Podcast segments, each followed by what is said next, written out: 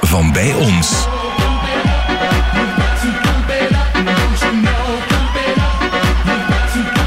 Je hoopt wel dat je, dat, je, dat je er iets van maakt, maar dan denk je gewoon nog altijd nationaal of lokaal.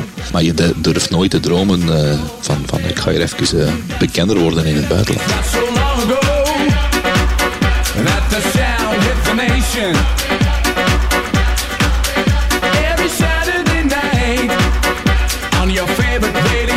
Denzel doet in 2003 mee aan de eerste editie van Idol, waar onder andere ook Brahim, Wim Soetar en Natalia aan meedoen. Hij geraakt bij de laatste 20 en in de nasleep van het programma krijgt hij van een producer de vraag om Pump It Up te coveren. Origineel is dat een bescheiden hitje voor de Black and White Brothers. Up. Up. Hij belde mij, dat was trouwens over de telefoon. Hij belde mij, ik heb hier iemand van de platenfirma, eh, die wil hebben een idee. eh Pump It Up, ken je dat? Ik zeg, goh, dat, dat zegt mij wel iets van, van een clubachtige iets. En, en die zegt, kan je dat zingen? Dus over de telefoon deed ik zo, you know, Pump It Ah ja, is goed, kom maar af. En, en die studio was toen eh, niet, helemaal niet ver voor mij. Het was vijf kilometer van mijn, van mijn deur. S'avonds naar daar gereden en ik heb dat dan toen heel heel snel, want het is, het is één one-track opname gedaan. En die opname staat nog altijd op de plaat vandaag. Het liedje komt eind 2003 uit in België, maar breekt geen potten.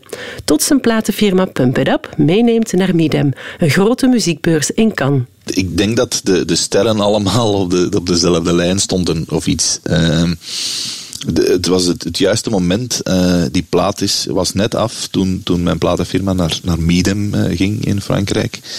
En ehm, ja, natuurlijk op, op, op zo'n muziekbeurzen zijn, is heel de wereld samen. Dat was nog zo nog net voor, voor de, de internetgekten en voor, voor YouTube en, en Spotify verder. Dus dat was echt allemaal nog, nog, nog fysieke albums en singles. Eh, ze hebben dat nummer meegenomen. Eh, toen speelde Charles Shillings, dat was een beetje de David Guetta van, van die tijd, eh, speelde de afterparty. En hij is zijn set begonnen met Pump en hij is die geëindigd. En aangezien dat heel de platenwereld daar aanwezig is, die zeiden van als hij dat twee keer speelt in zijn set, dan moet dat een hit eh, worden. Dus dat weekend is dat meteen in 67 landen getekend. En dan later nog, nog, nog al de rest. Dus dat is een beetje, ja, dat is een puzzel die op het juiste moment in, ineenvalt, denk ik. Ik werkte in een hotel in Antwerpen en eh, ik kreeg plotseling telefoon. Ze zeiden de plaat is binnengekomen in Frankrijk in de top 50 op 6. En eh, toen in die periode betekende dat eh, dat er op een week 200.000 stuks verkocht waren. Dus dat was vrij indrukwekkend. En plotseling kreeg ik telefoon voor, eh, voor, eh, voor shows eh, over heel Frankrijk te doen.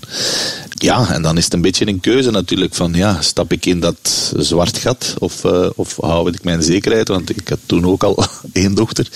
Ik heb een, een jaar loopbaanonderbreking genomen en zo eerst gezien wat dat gaf. En ja, uiteindelijk ben ik blijven steken. De carrière van Denzel is gelanceerd en hij mag overal gaan optreden met Pump It Up. Hij heeft een hele dikke hit in heel Europa. Zelfs nummer 1 in Italië, Denemarken, Frankrijk is voor hem gevallen. Dames en heren, hier is Denzel met Pump It Up. Maar nu actie. Zet die tafels en stoelen thuis aan de kant en doe gewoon met ons mee, want hier is Denzel met het ideale nummer van vandaag. Pump It Up. Ja! Vanuit Discotheek Carré in Willebroek is dit het muzikale feest van E. TVE. Marcel, Ja, ben jij een beetje opgepompt? op, opgewat? Pardon? Ja, ja, opgepept, klaar om te swingen en te shaken? Ja, redelijk wel. Ja. Ik ben redelijk klaar om te shaken. Maar zo'n klein oppompje kan er nog wel bij, vind ik. Wel, eh, dan heb ik iets voor jou, want hier is Denzel met Pump Maar het blijft niet bij Vlaanderen en Frankrijk alleen. Pump It Up wordt overal in Europa opgepikt. En vandaag heeft Denzel vooral een grote carrière in Polen en Rusland. Het verhaal begint eigenlijk Frankrijk en dan is het doorgeschoven naar Engeland en dan Duitsland. En vooral van Duitsland is het overgeslagen naar, naar Polen. En als je dan geluk hebt en de juiste platenfirma's en labels, eh, dan, dan gaat het ook verder naar Rusland, waar ik ook heel veel eh, zit. En, en zo verder. Maar dat is niet alleen Rusland, dat is Kazachstan en, en, en, en zo verder. Eh, dat zijn voor sommige mensen misschien rare landen. Maar dat is nu op een of andere manier mijn markt geworden al die jaren. En, en als je er dan zo bekend bent, ehm, dan ga je ook bewust meer op die markt werken, uiteraard. Je gaat werken op een markt waar je succes hebt. Dus dat is eigenlijk altijd een beetje eh, zo gebleven. fryzurę, bo wszyscy mówili na mnie Denzel!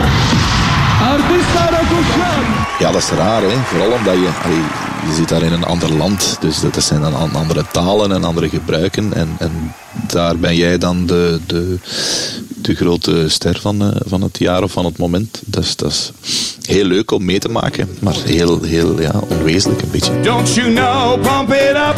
You've got to pump it up. Don't you know, pump it up. You've got to pump it up. Don't you know? Don't you know? Don't you know, pump it up.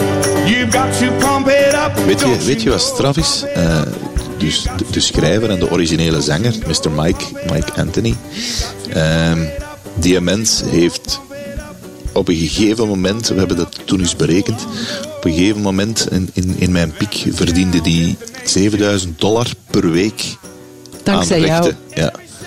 Eh, want hun versie is uiteindelijk ook wel een hit geweest, maar, maar vrij lokaal. Dat is eigenlijk België, Frankrijk en een paar andere landen. Maar mijn versie is dan echt wereldwijd gegaan, dus die mens heeft er eh, net wat geld aan verdiend.